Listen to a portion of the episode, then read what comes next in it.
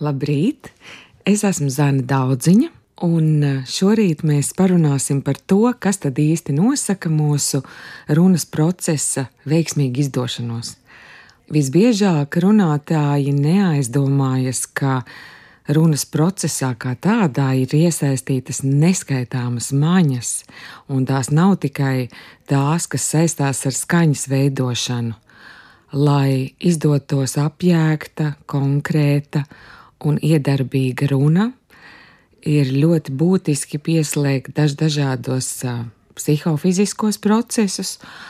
Ir svarīgi apzināties, ka tādā situācijā, kāda šobrīd tā ir man, ka daudz ko no tā, vai tas ir dzirdams, nosaka arī tehniskais nodrošinājums. Un nešaubīgi, ka mūsdienās, kas ir 21. gadsimts, tehniskie rīki arī ir sava veida runas palīgrīki, ko līdz mēs neprasmīgi ar tiem rīkojamies.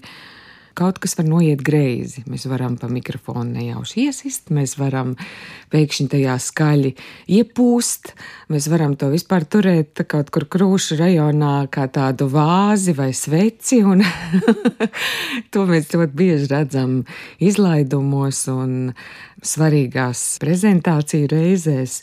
Un ļoti bieži arī šie tehniskie palīgrīki mūs izsit no līdzsvara ar to, ka mēs paši dzirdam savu balsi pastiprinātā veidā, kaut kur atbalsojamies, un tā skaņa netuvu nav tāda, kā mēs to bijām iedomājušies.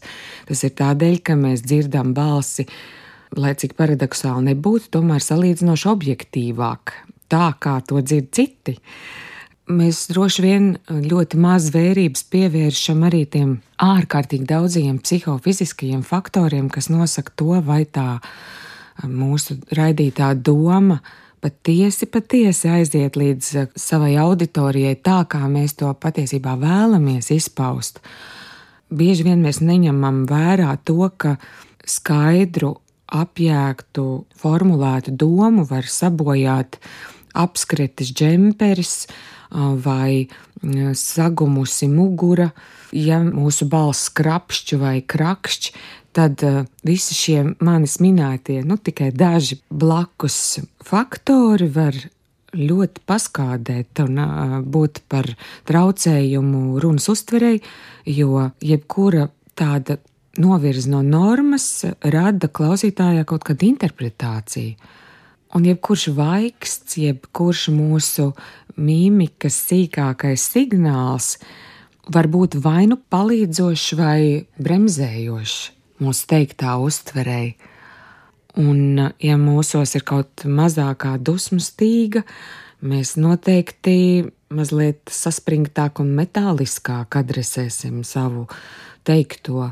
Vai, ja mūsos būs kaut mazākā šaubu ēna, balsī ieskanēsies tāda trauksmaināka nots vai nepārliecinātāka nots, un līdz ar to varētu būt, ka kāds pārslēdz kanālu, tāpēc ka viņam šķiet, ka šis runātājs gluži vienkārši ir nekompetents. Un tā mēs varētu turpināt stundām, tāpēc ka to psihisko momentu ir ārkārtīgi daudz, un tāpat to fizisko. Nu, pietiek nošķiepties kaut kā mūsu gribā, respektīvi gribēšanā.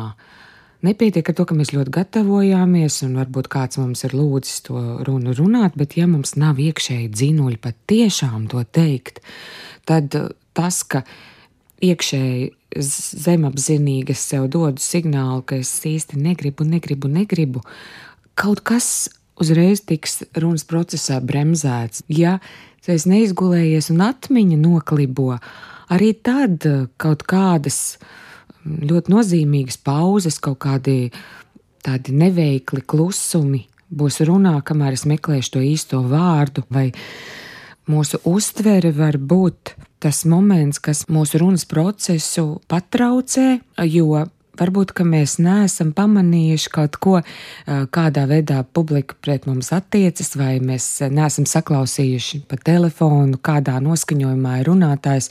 Un tad, ja mēs pēkšņi pamanām kaut kādu nopūtu vai ieraugām tādas sabolītas acis pret griestiem, kā āk, Dievs, cik ilgi tas turpināsies, tas mums var totāli izsist no sliedēm. Tāpēc uztverē jābūt uzasinātāji katru mīļu brīdi. Un, un, un koncentrēšanās spēja arī dzēn ir ārkārtīgi svarīga. Spēja tajā brīdī pieslēgties un būt ar visām maņām klātesošiem savā runas plūsmā.